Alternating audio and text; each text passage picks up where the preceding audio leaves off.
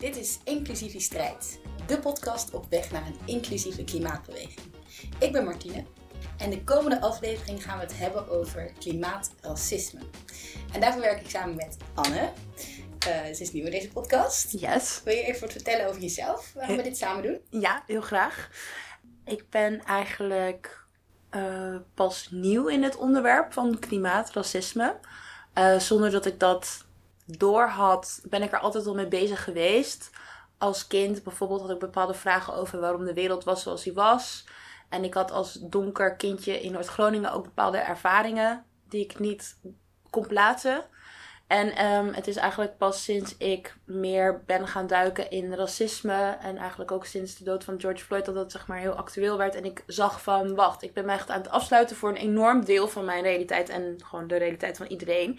En ineens werd mij daar de relatie duidelijk tussen onderdrukking, kapitalisme en klimaatverandering. En um, ja, dus toen ik hoorde over jouw podcast, Inclusieve Strijd, um, wilde ik daar heel graag aan bijdragen. En dat is waarom ik uh, meedoe.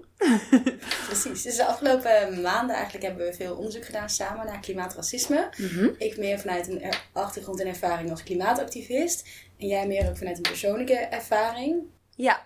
Um, ja, in deze aflevering gaan we in gesprek met je hero Geuzenbroek. Ze is al meer dan tien jaar actief binnen de klimaatbeweging uh, als klimaatactivist. Ze is ooit begonnen als activist tegen oorlog en militarisering, maar vooral de afgelopen jaren actief binnen Code Rood en ook Shell Must Fall en Fossil Free Culture.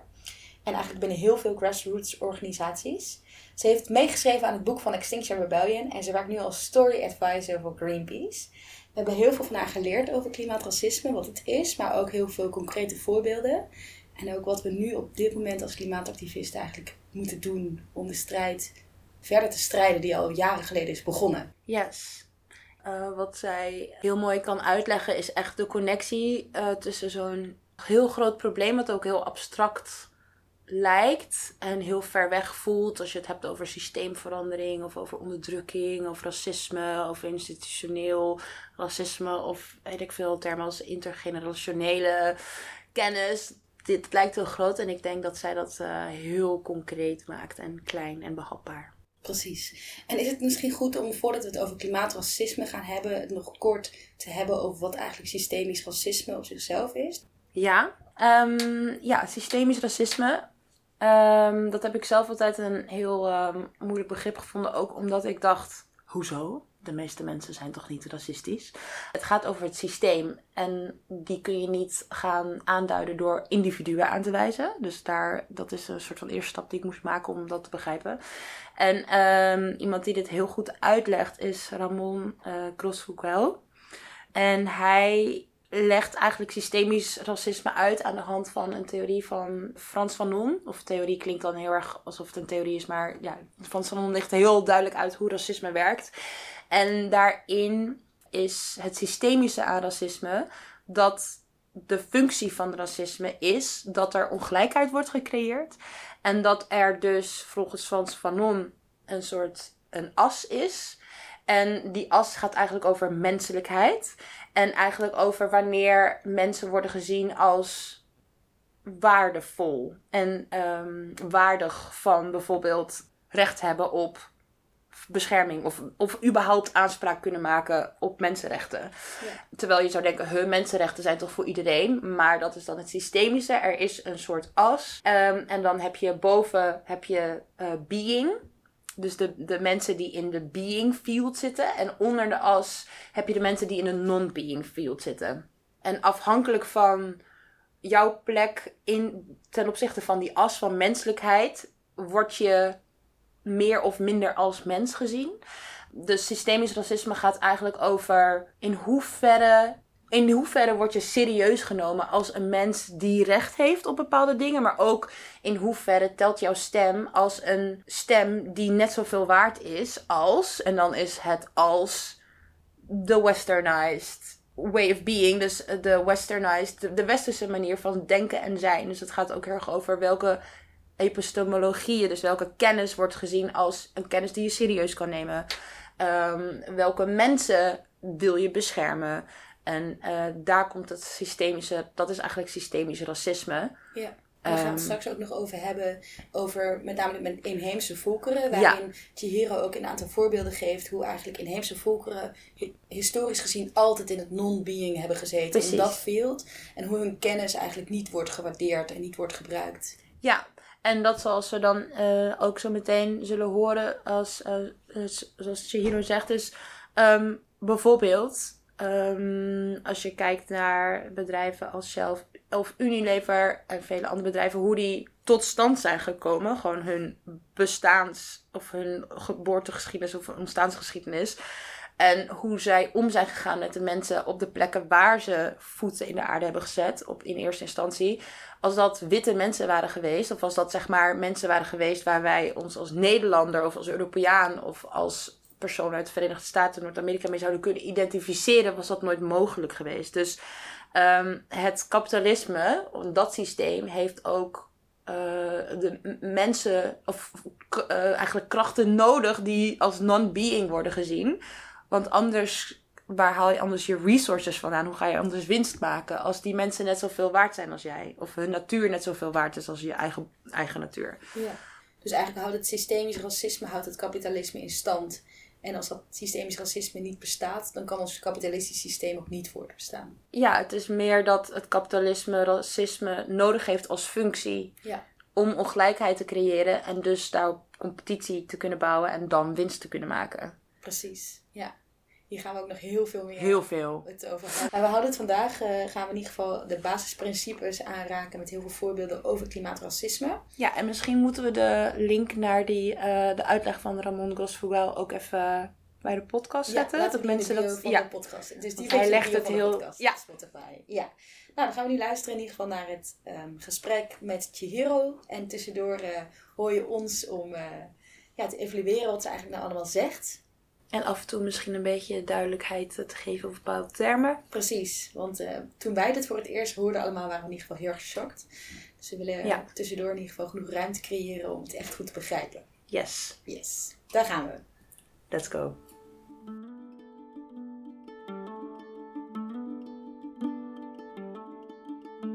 Welkom Chihiro. Super fijn dat je hier bent en met ons in gesprek wilt gaan over deze hele belangrijke onderwerpen. Ja, heel fijn om er te zijn en Ja. eh, met jou te praten. Kun je vertellen hoe jouw verhaal van activisme is begonnen? Ja, ik, ik vind dat altijd lastig, omdat ik het gevoel heb dat ik altijd activist ben geweest. in ieder geval in, ehm, in, in, in manier van denken dat er iets eh, systematisch mis is met de manier waarop de samenleving is geordend. En dat je daar je stem voor moet gebruiken. Hoe ik dat heb gedaan is nogal verschillend geweest in Mhm. verschillende fases van mijn leven. Toen ik klein was, eh, ik was iets van acht of negen, maakte ik kleine gevingerhaakte armbandjes en tekeningen. En die verkocht ik voor 20 cent. En daarmee ging ik geld ophalen voor een goed doel. Ik vond het ja, echt verschrikkelijk om naar bed te gaan en te denken over hoeveel mensen eh, geen bed hebben. En hoeveel mensen geen toegang hebben tot schoon water. En hoeveel mensen eigenlijk systematisch niet ertoe doen voor de politiek. Dus waar heb je dat geleerd? ik heb het laatst aan mijn moeder gevraagd. eh, van, hoe zie jij dat? Was het er ooit niet? En ja, zij zei van, ja, je bent eigenlijk heel kort kind geweest. Want het is iets wat je altijd hebt gehad. En ik kan me wel bepaalde momenten herinneren die er echt toe hebben gedaan. Voor het eerst beelden uit Bosnië zien. eh, en beelden van Rwanda. En echt de genocide beelden. En ja, ik ben een kind van de tachtiger jaren, dus dat was begin negentiger jaren. Dus ik was toen ja, ongeveer 9, 10. Dat was heel vormend over nou ja, dit soort verschrikkelijkheden van de mensheid. Vragen om een hele grote toewijding voor heling en gelijkwaardigheid. En het ontmantelen van conflicten die escaleren tot massamoord en genocide. Maar ik denk dat een ander ding wat heeft bijgedragen al van jongs af aan is dat ik ben half Zuid-Amerikaans. Mijn vader is Boliviaans. En ik ben heel erg opgegroeid en dat is wel iets wat ik kan zeggen van dat hangt af van mijn gezin. Met de wetenschap dat Amerika heel veel democratieën in Zuid-Amerika om zeep heeft geholpen. Dus de, de strijd die er was voor onafhankelijkheid werd gezien als communisme en dat moest bezworen worden met CIA en coups en van alles en nog wat aan geweld. Dus het feit dat ik daarmee ben opgegroeid en ook de wetenschap dat bijvoorbeeld na de Tweede Wereldoorlog, wat in ons Nederlandse context soort van de, de meest verschrikkelijke tijd ooit is geweest, de wetenschap dat de VS na de Tweede Wereldoorlog allemaal uh, nazi's heeft ingehuurd om in Zuid-Amerika uh, ja, communisten te martelen. Of hun intelligentie in het bezweren van communisme te gebruiken in plaats van ze te, voor de rechtbank aansprakelijk te houden voor hun misdaden. Zorgde er ook voor dat ik dacht van ja, deze wereld is eigenlijk gewoon systemisch heel onveilig. Ik heb me daar altijd heel onveilig gevoeld. En altijd het gevoel van ja, daar, daar, daar moet ik iets aan doen. Maar ja, als kind weet je niet wat je daarmee moet doen. Dus ga je uh, armbandjes vingerhaken. En toen ik op de universiteit kwam en in aanraking kwam met andere studentengroepen die activistisch waren, had ik eindelijk de handvatten ja. om collectief iets te doen. En ik denk dat je eigenlijk pas echt een activist bent wanneer je collectief samenwerkt voor uh, verandering.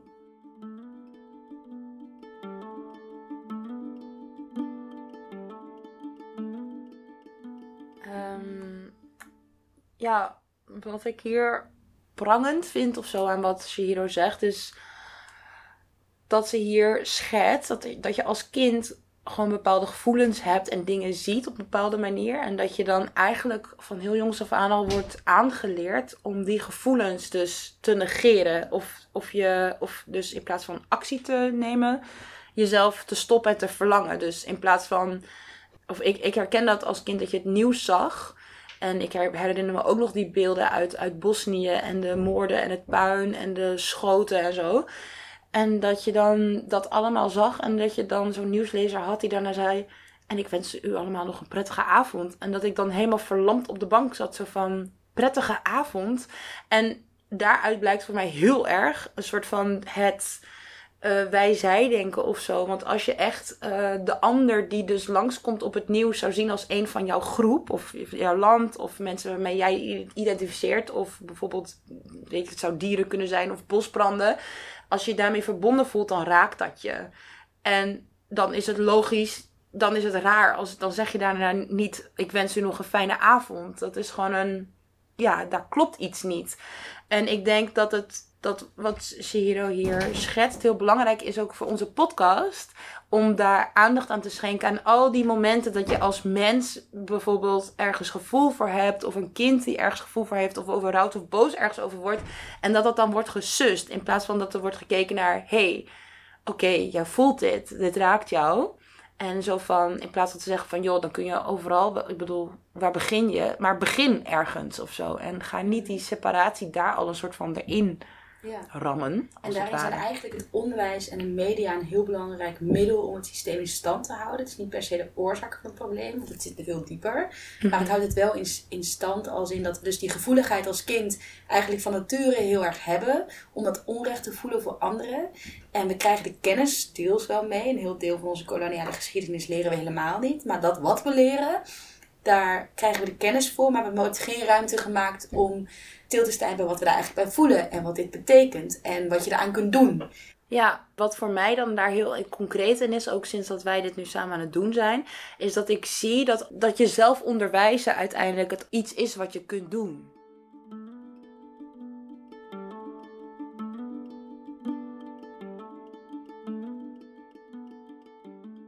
En we zitten hier vandaag ook om over klimaat en racisme te praten. Kun je vertellen waar voor jou die realisatie begon dat de strijd voor klimaatrechtvaardigheid heel veel met racisme te maken heeft? Ik denk dat het ook al begon voordat ik wist wat racisme was. Maar gewoon het feit dat je weet dat eten wat in de supermarkt verkocht wordt niet eerlijk is geproduceerd. Dat, dat er wel een fair trade op staat uh, qua, qua een keurmerk.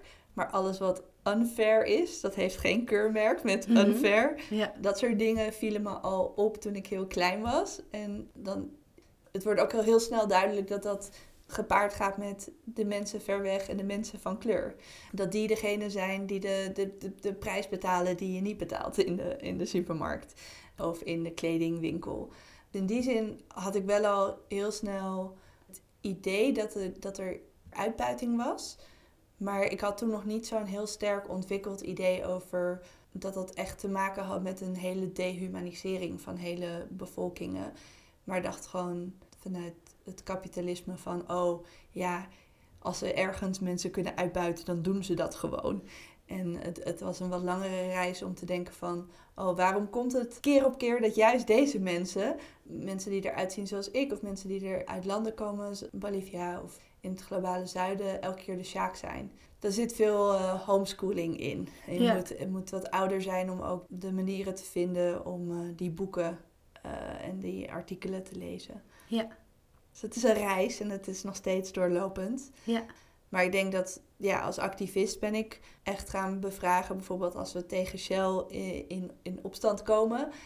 Eh, en ik hoor iedereen praten over eh, ja, hoeveel emissie Shell wel niet heeft uitgestoten. En daardoor klimaatrampen veroorzaakt. Ik, ja, maar voordat ze die eh, klimaatrampen veroorzaakten... hebben ze allemaal olie eh, toegeëigend in landen waar ze zelf niet vandaan kwamen. En hoe kwam het dat hun eerste olie van, van Indonesië kwam? Hmm, heeft het iets te maken met de kolonisatie van Indonesië door Nederland? Dus ja, dan, dan moet je gaan afvragen waar eh, zulke grote klimaatvervuilers hun macht vandaan hebben gekregen. Mhm. Zowel hun macht om grondstoffen toe te eigenen, als hun macht om lokale bevolkingen ja, gewelddadig te onderdrukken. En dat zie je vooral ook in Nigeria, hoe daar eh, zoveel dorpen zijn ver- verbrand, of mensen zijn gemarteld, en mensen zijn verkracht en vermoord.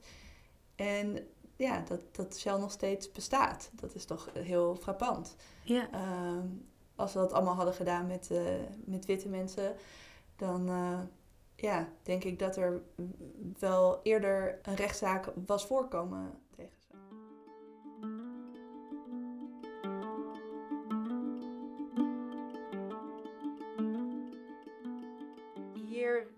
eh, wil- willen we even terugpakken naar de introductie, ehm, waar ik uitlegde wat eh, systemisch racisme is. En dat is eigenlijk, eh Shihiro zegt hier heel veel in één keer. En het is, eh, ja, heftige informatie. Maar dit is eigenlijk de expressie, of hoe zeg maar de as van being en non-being tot uiting komt. Namelijk dat de manier waarop bedrijven, westerse bedrijven, hun voeten aan de grond krijgen in eh, landen die eh, koloniaal zijn onderworpen eigenlijk of verkregen. Dat dat alleen maar kan omdat de blik waarmee de kolonisator kijkt naar de mensen daar wonen, één is van waarin de ander dus als lager wordt gezien dan zij. Want anders kun je niet dorpen verbranden, mensen verkrachten, mensen eh, roven en aan het werk zetten als slaaf. Dat bestaat dan niet. Dus hierin zie je eigenlijk wat de westerse mens die dan in het being field doet met mensen die in een non-being field zitten. En dat er dus eigenlijk wordt gemeten met twee maten. Hoe bedrijven hier dan in hemelsnaam mee wegkomen, dat is natuurlijk de grote vraag. En ook iets heel ingewikkeld. Als in een land van in Nederland denk je, ja, maar we zijn toch tolerant en we zijn toch, we hebben toch eh, een grondwet en we doen toch aan mensenrechten en zo. Maar dat is dus de hele crux. Dat op een of andere manier dit systeem zo ja, intricate is, zo complex en zo eigenlijk subtiel op een hele rare manier. Dat we dus kunnen denken dat mensenrechten op iedereen, voor iedereen evenveel gelden, maar dat dat op een globaal niveau dus niet zo is. Wat precies is waar het kapitalisme onder andere op rust. Ja, en dat we deze informatie ook gewoon eigenlijk allemaal niet weten. Als je daar niet naar op zoek gaat, dan kom je dus ook nooit achter. Terwijl Shell wordt door heel veel mensen gezien als een bedrijf wat eigenlijk heel erg goed is voor de Nederlandse economie. Eh, terwijl het is allemaal geld wat nou ja, bij heel veel, dat heel veel mensen leven, leven heeft gekost. Ja, maar het is ook heel moeilijk om te geloven, ook al, ook al ga je kijken naar de geschiedenis. Ik merk zelf dat ik echt moeite heb met te geloven dat het zo is. Want het is gewoon niet te geloven wat daar is gebeurd, wat er nog steeds gebeurt, waar zij mee wegkomen. En dat, Ja. Maar goed, hoe zij hier mee wegkomen, daar gaat Shihiro ehm zo meteen meer over vertellen. Kun je wat meer uitleggen waarom, dat, waarom zij hiermee wegkomen? Er is heel veel onderzoek naar gedaan de afgelopen jaren. Ja, ik verbaas me er nog steeds zelf ook over. Ja. Ehm, maar ja, één ding wat ik zie, zowel bij Shell als Unilever, is onze andere grote klimaatmisdadiger die hier in Nederland gevestigd zit. En zelf heb ik, ja, eh, net als veel anderen, me ook vaak overweldigd gevoeld van, oh, het is allemaal zo groot, waar begin je nou? En ik heb uiteindelijk besloten van, ja, je begint bij de klimaatmisdadigers in, in het land waar je je begeeft ja, als ik kijk naar, ik ga dan even switchen naar Unilever. Unilever die is groot geworden in de Congo, of de, wat nu DCR is, op een genocide van de helft van de bevolking door, door Leopold. Het was vernietiging van bossen, vernietiging van mensen en de oprichting van een rubberindustrie en een palmolieindustrie. En eh, Unilever zit tot de dag van vandaag in palmolie. Maar het feit dat ze daar nooit voor die genocide, voor alle gratis arbeid, voor de slavernij de prijs hebben moeten betalen. Ja, dan kan je uiteindelijk alleen maar je analyse van racisme eh, beter ontwikkelen om te begrijpen waarom dat zo is. En ik denk dat in het systeem van racisme ontwikkel je institutioneel een soort van straffeloosheid van geweld naar mensen die niet volledig volwaardig mens worden beschouwd. En ja, die, die dehumanisering, het racialiseren, dus doen alsof allemaal andere mensen niet tot het mensenras behoren, zorgt ervoor dat ja, systemisch geweld eigenlijk wordt weggewaaid als iets wat ja, niet zo moreel verwerpelijk is. En dat is, dat is de pijn die mensen ondervinden wanneer ze ja, opstaan tegen racisme. Is dat hun leven eigenlijk systemisch ehm, minder waardig is gemaakt. Ja, zowel hun manier van doen, hun manier van leven ondergeschikt wordt gemaakt dan de groep mensen die hypermens door racialisering zijn gemaakt. En daarmee wordt de winst van de hypermens als meer belangrijk gezien dan het bestaan van de ondermens of de gedehumaniseerde. En daar heeft kolonisatie een enorme rol in gespeeld.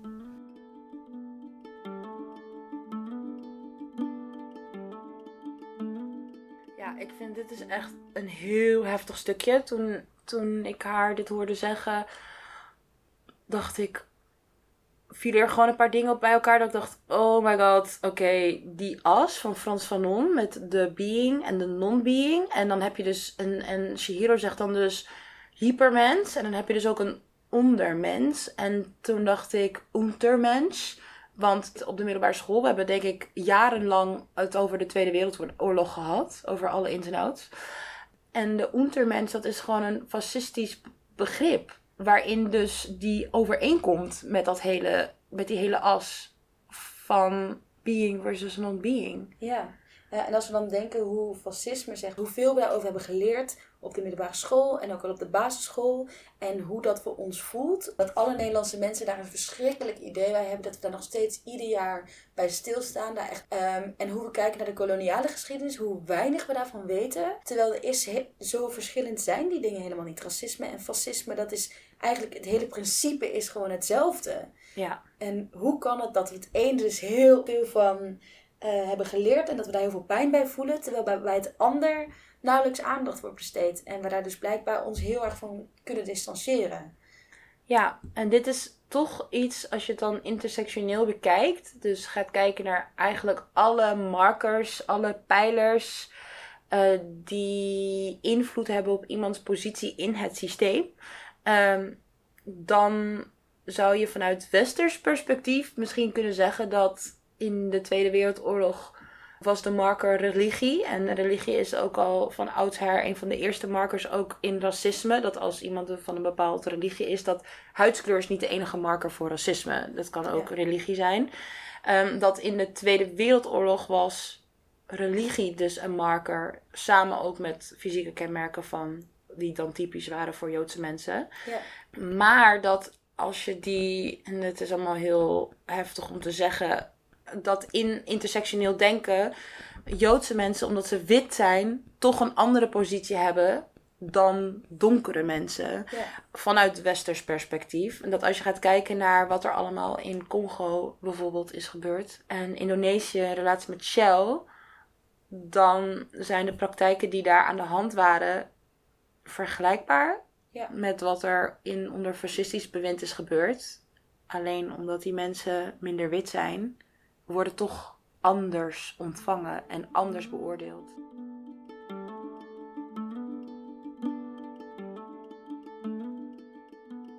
Je kan natuurlijk ook alleen maar het land van de andere innemen als je denkt dat de ander minder waardig is. Ja. Racisme is een oplossing voor de discrepantie die ontstaat met de misdaad van kolonisatie. Dus op het moment dat ik allemaal dingen steel van iemand anders, moet ik daar eh, een ideologische ehm, uitweg voor verzinnen. Mhm. En die uitweg is racisme. Doen alsof je minder mens bent. En dat doen alsof anderen minder mens zijn, ja, zie je steeds terug in waar grote bedrijven die klimaatmisdrijven begaan mee wegkomen. Ja. En als wij hier in Europa doen alsof de grootste misdaad die ze hebben begaan het uitstoten van CO2 is, doen we eigenlijk heel vaak mee aan het eh, reduceren van de waarde van de levens die zijn vermorzeld.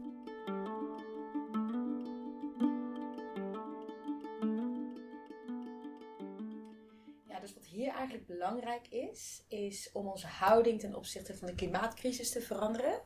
Dus we bekijken het nu heel erg als het probleem is de CO2 die in de atmosfeer zit. Die zorgt voor de verandering van ons klimaat, van de aarde. Maar als we, als we meer kijken naar het echte probleem, dan is dat eigenlijk de koloniale geschiedenis, die ongelijkheid, die ecocide die hand in hand samengaat met de genocide. Waaruit eigenlijk die klimaatcrisis is ontstaan. En dan, als we daar op, ons op focussen, dan zijn de ehm, oplossingen voor die problemen ook heel anders. Dus eigenlijk die nieuwe houding die we moeten aannemen ten opzichte van die klimaatcrisis, die moet anticapitalistisch zijn en antiracistisch. En dan pakken we de kern van het probleem aan.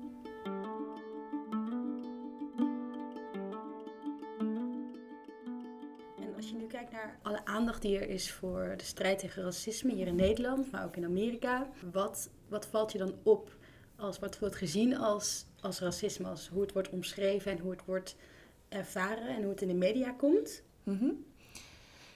Ja, ik denk, ik bedoel, ik ben zo blij met dat de, ja, de collectiviteit van de strijd zo erg sterk is op dit moment. En dat er zoveel coalitiebouw ontstaat en zoveel moed en zoveel doorzettingsvermogen, waardoor, waardoor er zo'n opleving is in het gesprek. En tegelijkertijd merk ik wat, ja, wat mainstream media doet en is toch meer aandacht besteden aan het racisme wat voelbaar is voor de middenklasse.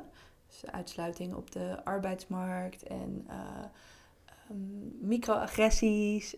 En minder aandacht voor ja, de dingen die verweven zitten in, in het geweld van bijvoorbeeld klimaatmisdadigers. Ja. Dus dat, dat echt de, de mensen die onderaan de trap staan, ehm, die het meest eh, opgestapelde onderdrukking ervaren. Dus zowel van huidskleur, uitsluiting, als van bijvoorbeeld in, in Nigeria zijn de mensen die het meest last hebben gehad van Shell, Ogoni. En de Ogoni zijn ook nog eens een inheemse groep binnen Nigeria. Dus eh, die zijn al gemarginaliseerd binnen hun context. Om racisme echt te ontzenuwen, we nog veel dieper moeten graven in hoe institutioneel dat ondermijnen van het bestaan van anderen doorwerkt. Ja, dus dat we echt moeten kijken naar ja, onze bananen en eh, onze kleding en hoe racisme in alles zit verweven, letterlijk. Ja. dat is pijnlijk, maar ik denk dat we dan wel eh, bij niet alleen het, het symptoom, de lelijke dingen die gezegd worden in een microagressie, maar bij de kern van, van het geheel uitkomen.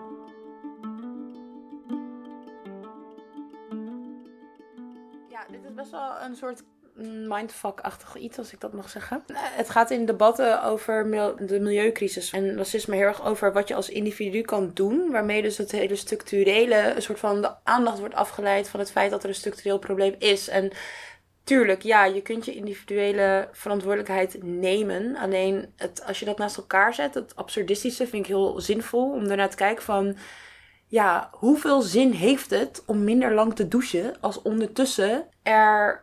Miljarden aan subsidies gaat Ja. naar de fossiele industrie van ons Nederlands belasting. Dankjewel. Ja. Dus En hetzelfde geldt, racisme zit in ons systeem, in onze instituten. Maar wat we nu doen is, we leggen alleen de verantwoordelijkheid bij het individu. En daardoor is het eigenlijk een soort van bliksemafleider van het grote probleem. En ja, eh, doordat we dat dus blijven doen, wordt het ook eigenlijk dat systemisch racisme beschermd. ja, En voorkomen we dat we het ontmantelen. ja.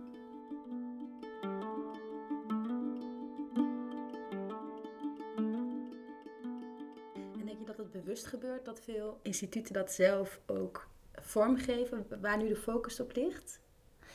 Voor een deel. Ik denk dat het, eh, als we het hebben over de eh, klimaatbeweging of de groene NGO's, dat het makkelijker is voor een groene NGO om te zeggen: oké, eh, we moeten wat meer mensen van kleur aannemen. Dan te zeggen: oh, we moeten ons hele verhaal aanpassen over wat er überhaupt is gebeurd met de aarde. Waarom zitten we in deze staat van klimaatverandering? Ehm, waarom is het verhaal wat we tot nu toe hebben verteld zo. ehm, zo, ja, zo erg op het symptoom gericht en Ja. niet op het probleem gericht. Wat ik zelf eh, veel inbreng is, de klimaatcrisis is een koloniale crisis. Ehm, en dat is iets wat veel gro- groene NGO's nog niet vertellen. Ja. Ehm, dus ik denk dat het makkelijker is voor veel bedrijven ook om te zeggen: oké, we moeten een foto op social media hebben waar meer mensen van kleur op staan. Want onze representatie is zo wit. Maar ja, ben je dan eh, het racismeprobleem aan het oplossen? Nee, Ehm, je bent het aan het oppoetsen. Ja, Dus dat is iets waar ik eh, ja, me over uitspreek. precies. En wat zouden mensen die bepaalde invloedrijke posities hebben binnen deze groene NGO's, eh, waar zouden ze moeten beginnen om dit verhaal meer deco- decoloniaal te maken en minder gericht op symptoombestrijding? Ik denk in het algemeen dat er een hele grote angst is om het te hebben over het geweld. Mhm. Als we kijken naar klimaatweer en eh, naar oorlog, de grootste eh, oorzaak voor, voor oorlog in de afgelopen eh, tijd is olie geweest. Maar als je kijkt hoeveel praten groene NGO's over oorlog en militarisering, heel weinig. En ik denk dat de grootste reden daarvoor is, is dat, dat er een idee is dat we vooral niet te zwaar moeten zijn. Dat we het wel gezellig moeten houden. Een soort van feel-good activisme. Mhm. En ja, klimaat is gewoon niet een feel-good activisme en eh, racisme ook niet. En, en daarvoor moet je bereid zijn om wat meer met de pijn, om, om emotionele nabijheid te hebben van de misdaad. Ja. En ik denk dat die emotionele nabijheid heel erg gevreesd wordt. En het is veel makkelijker om te hebben over de wetenschap en tabellen en statistieken. Maar ja, de grootste reden om Shell te sluiten is moord en verkrachting. Uh, want als moord en verkrachting er niet toe doet, ja, wat doet CO2 er dan nog toe? Dat, het- ja, als, als, als het leven er niet meer toe doet, dan is de rest ook redelijk uitgehold Ja. van het verhaal. Uh, maar ik denk dat er een angst is om, om, om zo zwaar te zijn.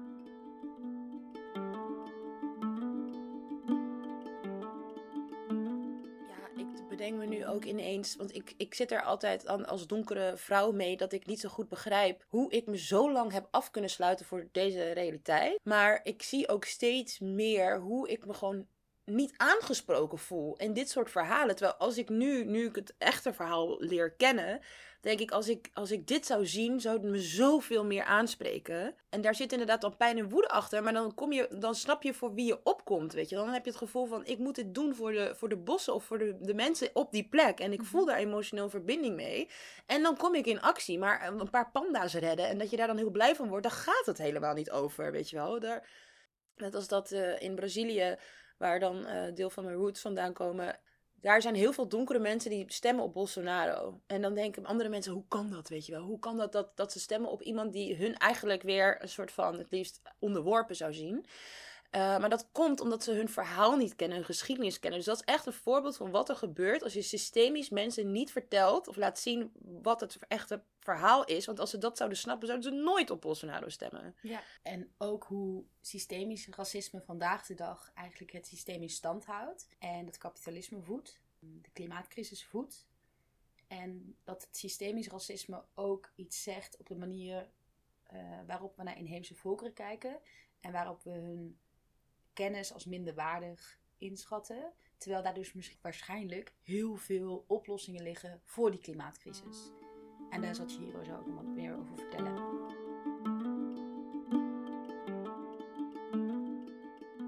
Waar komt het vandaan, die angst? Waar zijn ze bang voor?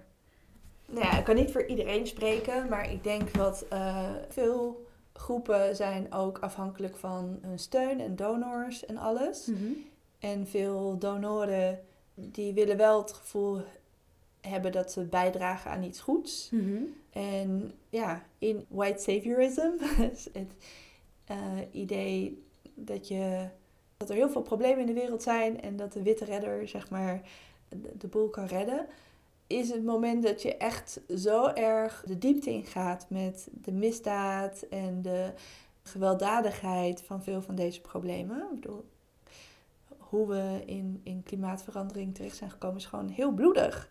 Ja, is iets wat buiten het idee van respectability en ja, buiten het frame past van waar we tot nu toe in hebben begeven. En ik denk dat er heel veel ongemak zit. Maar het is nog ongemakkelijker uh, om als een persoon van kleur je elke keer weer in een verhaal te wurmen waar je niet onderdeel van maakt. Terwijl mensen van kleur al eeuwen strijden tegen ecocide, tegen de systemische vernietiging van hun leefgebied. Uh, en als we, als we kijken naar de kracht daarvan, kunnen we zien dat heel veel uh, klimaatoplossingen ook al heel lang bestaan. Maar die bestaan buiten het frame van er in westerse maatschappijen respectable is. Dan ja. kijken we naar ja, inheemse culturen en hun Kun je daar meer over vertellen wat die oplossingen dan zijn en hoe die tegenover de oplossingen staan die nu in de westerse samenleving naar voren worden geschoven? Ja, ik denk dat sowieso er een aversie is tegen top-down en dat het veel meer vanuit de gemeenschap zelf, dus een in westerse termen diepe democratie heet. Maar in, ja, in inheemse termen zou je het dan niet, denk ik, zo noemen. Ik denk dat überhaupt het woord inheems refereert naar leven wat afgestemd is op zijn omgeving. Dus je leeft op een plek in de wetenschap dat die plek langdurig je thuis is. En dat je hem dus niet vernietigt, want dan heb je je huis vernietigd. Ja. Terwijl in de koloniale manier van leven verbruiken we steeds meer dan dat er regenereert. En dat kan alleen doordat je niet de dingen verbruikt van je eigen, van je eigen plek, maar die van een ander. Ja. uh, ons ontbijt komt ergens anders vandaan, onze kleding komt ergens anders vandaan. We verbruiken eigenlijk steeds de ander op uh, en niet ons, onze eigen uh, woonomgeving. Dus het hele idee van circulair economie of circulair leven um, is, ja, is veel ouder in, in, in inheemse culturen, mhm. eh, alleen in andere termen. En vereist ook andere politiek, want ja, de politiek die we nu hebben is vanuit best wel veel competitie ingericht. Ja. En individualisme ingericht. Een voorbeeld om aan te halen waar ik zelf inspiratie vandaan haal is het initiatief The Red Deal. Mm dus de Red Deal is een soort van tegenhanger van de, de Green New Deal. Mhm. En één ding wat er uit, aan, meteen al aan de titel opvalt, is dat de Red Deal niet de Red New Deal wordt genoemd. Mhm. Eh, omdat hij niet nieuw is. hij is heel oud. Ja. en, en daarin zitten zowel sociale aspecten als ecologische aspecten, omdat ze ook binnen ja, inheemse culturen is het ecologische en het sociale heel erg verweven met elkaar. Ik denk dat dat een goede plek is om te beginnen. Als je kijkt naar bijvoorbeeld de VN, waar nog steeds ja, heel veel inheemse eh, woordvoerders alleen voor de show even vijf minuten op de microfoon mogen spreken, maar niet daadwerkelijk beleid kunnen voorstellen en verder dragen. Ja, als we echt willen omschakelen naar decoloniale manier, uh, dan zouden we moeten realiseren dat ja, inheemse volken vanuit de hele wereld, zijn er 5000, historisch de beste track record hebben van natuurbescherming. Ja. En dat we dus ja, onze strijd afstemmen op die van hen. In plaats van de arrogantie te hebben dat zij op een of andere manier door inclusie opgenomen kunnen worden bij ons. Ja. En, dat, en die afstemming gaat gepaard met het bestuderen van werkwijzen, processen en, en besluiten die daar zijn genomen. En kijken hoe die dan van toepassing zijn bij onszelf, waar we natuurlijk vanuit andere contexten uh, heel veel te ontmantelen hebben. Ja. Maar ik denk dat de eerste stap is, dit klinkt misschien allemaal heel erg groot. Ja. En oh my god, ik verzuip in, in, in de grootheid van alles. De eerste stap is, is het geweld expliciet maken. Het geweld wat er is. Dus als je als klimaatactivist gaat uitspreken tegen Shell, beginnen met het benoemen van de moord, uh, de moorden en het, het vergiftigen van drinkwater van uh, mensen het feit dat je die dingen benoemt, en daarmee maak je de mensen op wie het impact heeft belangrijk. En dat opent de deur om samen te werken met gemeenschappen die zelf al de strijd vanaf de grond hebben gewerkt. En dan in dat proces leer je van alles wat er nodig is. Maar ik denk dat zolang we ze eigenlijk frontlinies alleen maar opportunistisch gebruiken voor een plaatje hier en daar bij groene NGO's of bij dan uh, ontwikkelt die relatie niet echt veel verder. En dan wordt de solidariteit ook niet echt veel dieper. En dan heb je ook niet echt de, de container om een, ja, een antikoloniale strijd te leveren. Want daarvoor moet je je laten voeden door de inzichten van de frontlinie. Ja. De meest radicale inzichten van de frontlinie. Mm En want ik kan me voorstellen dat voor heel veel mensen het ook heel onzichtbaar is wat bedrijven als Shell nu nog steeds doen. Mhm. En hoe ze die koloniale geschiedenis in stand houden. En hoe ze die gebruiken eigenlijk voor hun kapitalistische gewin van nu. Ja. Kun je daar wat meer over vertellen? Ja, goeie. Uh, er zijn meerdere voorbeelden. Een voorbeeld die ik wel kan geven is van Canada. Dus uh, Shell was ook betrokken bij de tar sands, waar gewoon en, enorm veel bos is kapot gemaakt voor teerzand-extractie. En vervolgens zijn ze van de tar sands in liquid natural gas gegaan. Ze hebben 40% investering in LNG Canada. En er is op dit moment een pijpleiding die vanuit een locatie van LNG Canada doorgetrokken wordt door inheems land. Waar al jarenlang uh, protest tegen gevoerd wordt, want ze geven geen toestemming voor uh, een pijpleiding over hun land, wat hun ja, watervoorziening en alles bedreigt. En ook al het constructiewerk al gewoon verstorend is voor de caribou-populatie van de dieren. En gewoon de, de rivier en alles bedreigt, de zalm die daar leeft. Ze zijn uh, Wet'suwet'en, volk wat daar tegen in opstand komt al heel lang. En wat je ziet is, Shell is vaak ook onderdeel van een soort van giftige cocktail van verschillende oliebedrijven. Maar het is daar geen kleine speler in. Het is wel echt een, een van de megaspelers. Een ander voorbeeld is uh, Mozambique. Ook daar zit een hele giftige cocktail van spelers. Ook Totaal, ook Annie, ook allemaal andere bedrijven. Uh, maar als je kijkt naar Mozambique, Mozambique is een land wat eerst gekoloniseerd is door Portugal. Moest het van bijkomen. Dan heel Afrika heeft in totaal minder dan, in totaal volgens mij 2% van de emissie wereldwijd uh, geproduceerd. Dan hebben we het over, ik weet niet, 57 landen samen. Uh, Shell alleen al heeft ongeveer 2% emissie geproduceerd. Maar Mozambique kreeg wel te maken met de klimaatrampen, met uh, Idai vorig jaar. En nadat het de klimaatramp over zich heen heeft gekregen en heel veel verwoesting, is het vervolgens wordt het in een houtgreep gehouden met giftige leenstelsels. In plaats van dat de VN zegt: hé, hey, jij hebt dit niet veroorzaakt, dus er is geld beschikbaar om te herstellen hiervan wordt er door het IMF, het eh, International Monetary Fund, een giftige opstelling gemaakt waarin leningen worden verstrekt. Dus je ziet dat het voor problemen die het niet heeft gecreëerd, wel in een leenstelsel valkuil wordt geleid. En uh, nog meer eigenlijk aderlating plaatsvindt. En dat je dan weer de, de rente moet gaan betalen. En daarbovenop wordt er dan ook nog weer eens gas gevonden uh, op jouw uh, landgebied. En krijg je de vloek van alle gasindustrie op je, op je dak. En mensenrechten schendingen die daarmee gepaard gaan. Dus daar, ja, daar wordt nu strijd geleverd tegen olie- en gasbedrijven zoals Total en Shell. Ja, vaak zie je dat, dat als er een, een, een vondst is van uh, gas of olie of schaliegas, dat je dan ook meteen strijd moet voeren tegen een heel arsenaal aan van dat soort bedrijven.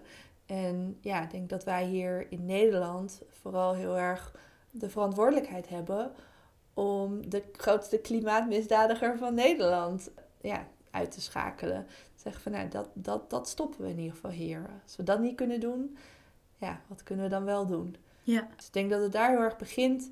En voor ja, klimaatactivisten hier in Nederland heel belangrijk is om de geschiedenis te bestuderen van de klimaatmisdadigers die we bestrijden. Omdat in de geschiedenis vinden we patronen van geweld en van kapitaaltoeeigening die ons kunnen informeren voor onze strategie.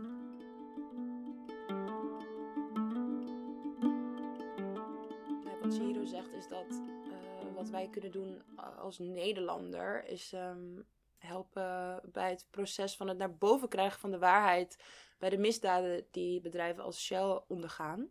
En als we het dan hebben over um, beeldvorming.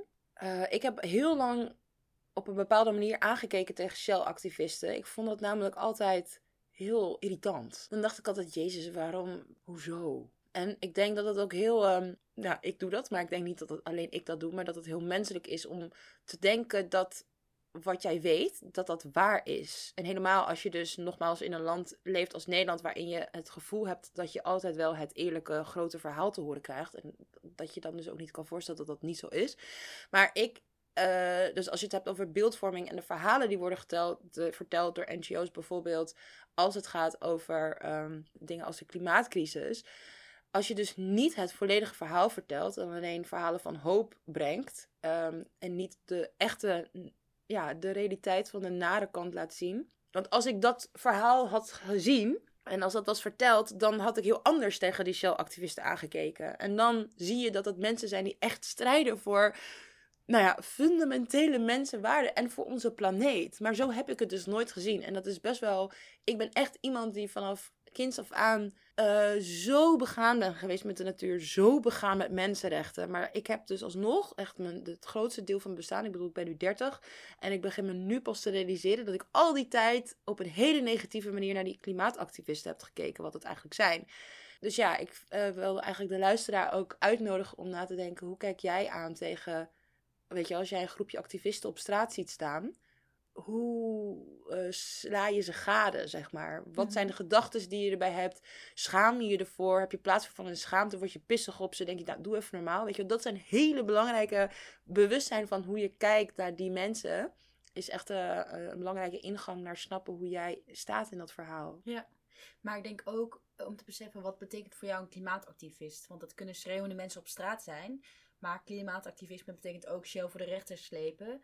Uh, klimaatactivisme betekent ook een kunstwerk maken. En um, ik zat net even te denken, waarom, hoe kan het dat het museum bijvoorbeeld niet meer van die misdaden laat zien?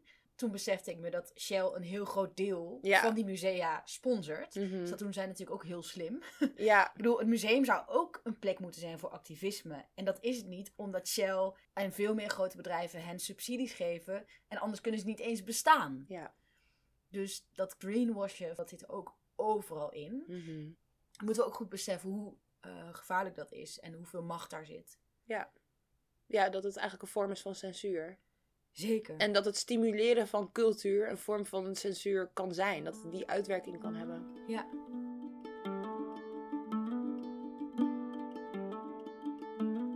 En kun je iets vertellen over hoe die strijd er vooral in dat soort landen die getroffen worden uitziet? Hoe zij strijden tegen die grote bedrijven? Ja, dat loopt ook heel erg uiteen. Ja. en dat heeft ook fases. Als je kijkt naar Nigeria, daar is olie gevonden in de vijftiger jaren. Mhm. Dus het was nog koloniaal Brits territorium. Eh, dus die strijd is heel intergenerationeel. En ik denk dat het wel heel belangrijk is voor ons ook om te kijken hoe we meer intergenerationeel kunnen samenwerken ook. Omdat generaties voor ons soms al meer kennis hebben opgedaan, meer ervaring hebben, soms ook meer resources. Terwijl ja, nieuwe, nieuwe energie van de jeugd geeft meestal meer moed en meer ongeduld dat er ook nodig is. En als dat hand in hand kan gaan, ik geloof heel erg in intergenerationele strijd, denk ik dat we meer kunnen eh, winnen. En dan niet alleen hier in Nederland, maar vooral ook over de grens, intergenerationele strijd. Ja. Ja.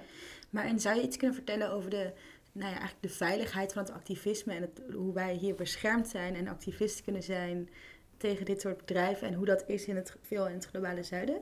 Ja, nou ja, in het, in, in het meest algemeen, elke week worden er eh, drie milieubeschermers vermoord eh, in de wereld. Ja. Dat is soms eh, gerelateerd aan mijnbouw, soms aan olie en gas, vaak ook aan agrarische sector eh, of megaprojecten zoals eh, grote dammen.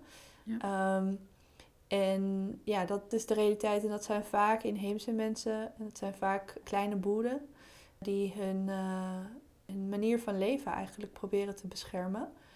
En daar zie je de verstrengeling van grote bedrijven met ja, bijvoorbeeld paramilitairen of eh, ingehuurde krachten die het vuile werk doen.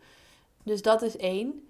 En heel concreet in het geval van Nigeria, ja, er zijn, er zijn dus gewoon dorpen, eh, huizen verbrand, er zijn oogsten verbrand, eh, mensen die gearresteerd werden. Als we het hebben over de tijd eh, waarin MOSOP, de organisatie voor het voortbestaan van de Ogoni, inheemse bevolking, ja, dan zien we dat, dat leiders werden geframed voor dingen die ze niet hadden gedaan en die zijn vermoord. Die zijn terechtgesteld en vermoord. En dan zie je heel erg het samenspel van een dictatuur, een militaire dictatuur, eh, die danst naar de grillen ook van bedrijven zoals Shell. Als Shell zegt van hé, we vinden dit en dit niet zo fijn voor ons economische klimaat, doe er wat aan. Ja, dan zie je dat daar actie onder op volgt door militairen en generaals. En kun je wat meer vertellen nog over de strijd die we hier in Nederland nu voeren, die klimaatstrijd, en hoe die meer decoloniaal kan zijn? Ja. Ik denk dat het begint heel concreet met het, het waarderen van het bestaan van mensen van kleur. Dat klinkt zo logisch. En heel vaak zijn er heel veel witte klimaatactivisten die helemaal niet denken van dat ze het bestaan van mensen van kleur niet belangrijk vinden. Maar er zijn zoveel eh, manieren waarop dat eigenlijk verweven zit in ons dagelijk bestaan. Zoals ik aan het begin Mhm. ook zei van ja, ons, het eten wat we in de supermarkt kopen, onze kleding wat we in de winkel kopen, is allemaal verweven met onderdrukking en ja, eh, giftige werkwijzen waar mensen in het globale zuiden onder lijden. Dus ik denk dat om dat eh, geweld heel expliciet te maken en niet ja, weg te moffelen in het verhaal van CO2. Wanneer eigenlijk zoveel van het koloniale geschiedenis hand in hand gaat met de uitwissing van mensen van kleur. Niet alleen de uitwissing van eh, het om zeep helpen van mensen van kleur, maar ook het uitwissen van überhaupt hun kennis, hun politieke stelsels. Als ik bijvoorbeeld, ik ben zelf Boliviaans-Nederlands en mijn oma is Quechua. Als ik nadenk over welke Quechua-helden ben ik mee opgegroeid. Nou, het is één ding dat ik dat misschien niet leer op school. Maar als ik het probeer te leren op internet, vang ik ook heel weinig oogst. Gewoon omdat het Ja. gewoon de hele geschiedenis van de Quechua mensen zijn bijna gereduceerd tot een tekstje voor de Lonely Planet. Ja. En ja, dat, dat, is heel gewelddadig. Ja. Daarmee wordt gezegd dat eigenlijk alle bestaan van al die mensen eigenlijk heel weinig waarde heeft. Alleen voor de entertainment voor een toerist. Ja. En nou ja, zo, zo zijn er 5000 inheemse volken in deze wereld. En als je voor jezelf nagaat van welke ken ik en welke mensen ken ik persoonlijk, ook in het feit dat we ook in Nederland eh, heel veel inheemse diaspora hebben en het feit dat die niet gezien worden, eh, ik denk dat dat een eerste stap is om, om die samenwerking op te zoeken. En de erkenning te hebben voor al het werk wat er al eeuwenlang is verricht in de strijd tegen eh, de vernietiging van de aarde. Ja, en nog steeds gebeurt, want heel veel indigenous communities beschermen hele grote gebieden van de aarde. Toch hele grote oppervlakte van de aarde. Ja, dus het, het, zeg maar van alle biodiversiteit die er op dit moment nog resteert. Ja. Dus heel veel weggevaagd. Sinds 70er jaren is 60% biodiversiteit decline. Dus dat is enorm. We, zijn zo, we zitten zo erg in de rouw en in het verlies. Maar van, de, van wat er nu nog bestaat, is 80% op inheems landgebied. En dat is heel significant. Ja. Dus ja, de, de, de nederigheid om daarvan te leren. Om te zeggen, oké, jij bent de le- leermeester. In plaats van te zeggen, oh, maar dat is primitief en wij zijn hier geïndustrialiseerd. Dus wij moeten met al onze technologie technofixes verzinnen die allemaal maniertjes om het niet echt serieus te nemen. Om, het niet, om, om niet volken zelf te laten leiden in hun, ja, hun heling. Ja. En waar natuurbescherming ook niet kunstmatig afgeschermd wordt van sociale hervorming. Omdat ja, voor heel veel mensen is het afschaffen van witte suprematie staat dat gelijk met het beschermen van hun leefgebied. Ja.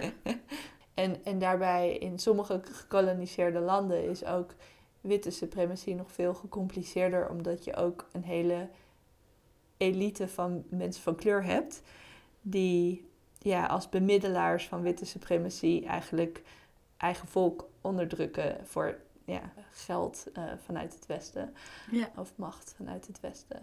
Dus dan gaat Ja. witheid eigenlijk ook niet alleen... Het gaat niet alleen om huidskleur, maar het gaat om een heel politiek idee eigenlijk van... Een belangenverstrengeling van, van onteigening voor die zich ja, laat gelden over een bepaalde as van welk leven ertoe doet en welk niet. Ja. En wiens agenda je uitvoert.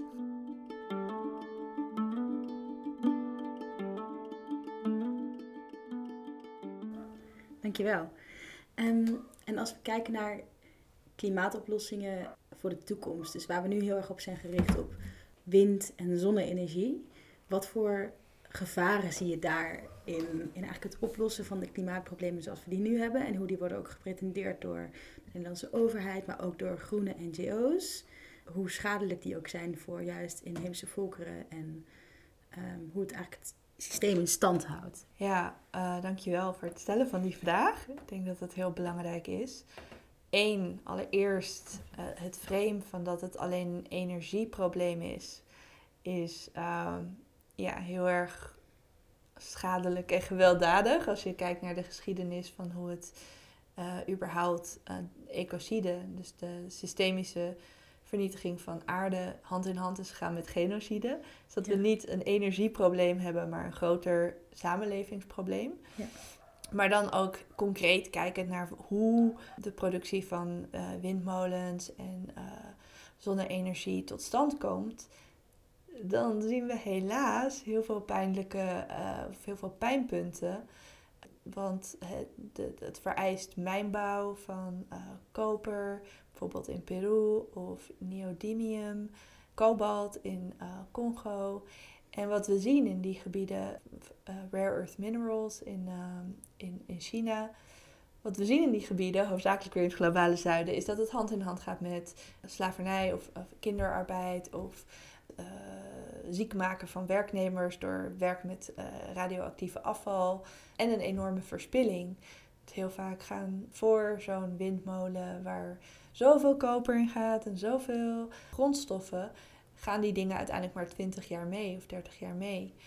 Dus, en worden ze geplaatst bijvoorbeeld in Honduras of Panama of in Mexico, in gebieden van inheemse volken, eh, waar het eigenlijk weer conservatie of ehm, energietransitie gepaard gaat met landgrabbing. Dus het, Ja. het, het toe-eigenen van land van inheemse kleine boeren. En heel concreet, ik ben in, in Mexico zelf geweest in zo'n locatie waar die strijd al heel lang wordt gevoerd, volgens mij vanuit 2006.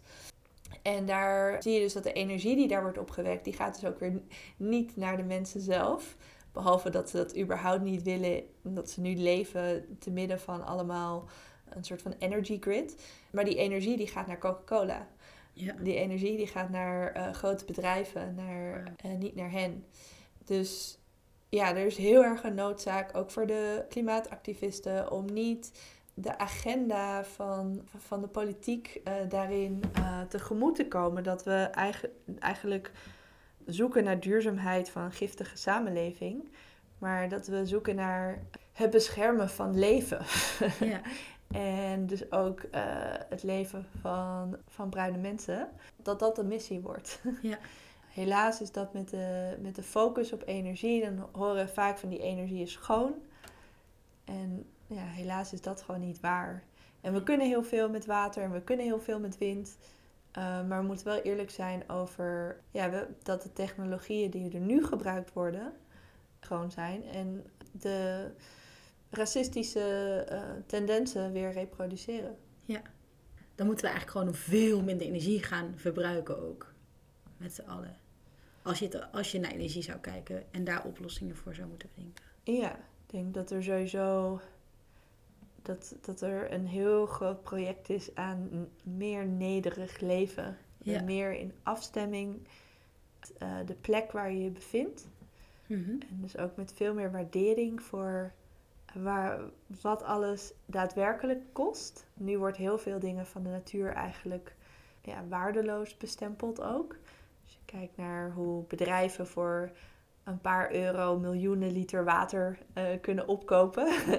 En dat vervolgens met heel veel winst verkopen. Op het moment dat we echt dingen gaan waarderen, dan ja, en daarop afstemmen, zullen we ook eh, ons nederiger moeten opstellen. Dat we maar één van de vele wezens zijn op deze aarde. En dat we niet een cultuur van toe-eigening kunnen in stand houden. Dat dat hetgene is wat ons om zeep helpt. Ja.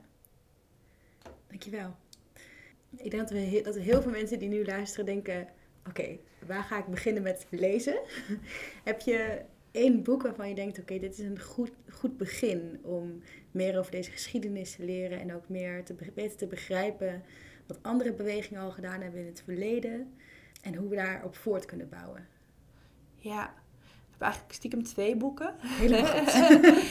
Eén boek wat heel goed aantoont hoe ecocide en genocide verstrengeld zijn, Mhm. is All Our Relations van Oké. Winona LaDuke. Mhm. Ehm, ja, ik denk dat dat een, een, een heel goed eh, beginstuk is. Het is ook heel toegankelijk, denk ik.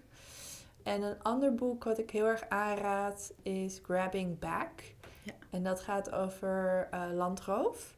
Ehm, het is alweer iets van tien jaar oud of zo. Volgens mij is het boek uit 2009. Eh, het zijn allemaal essays en van verschillende plekken. Van Congo, van eh, ehm, Indonesië, van Ethiopië.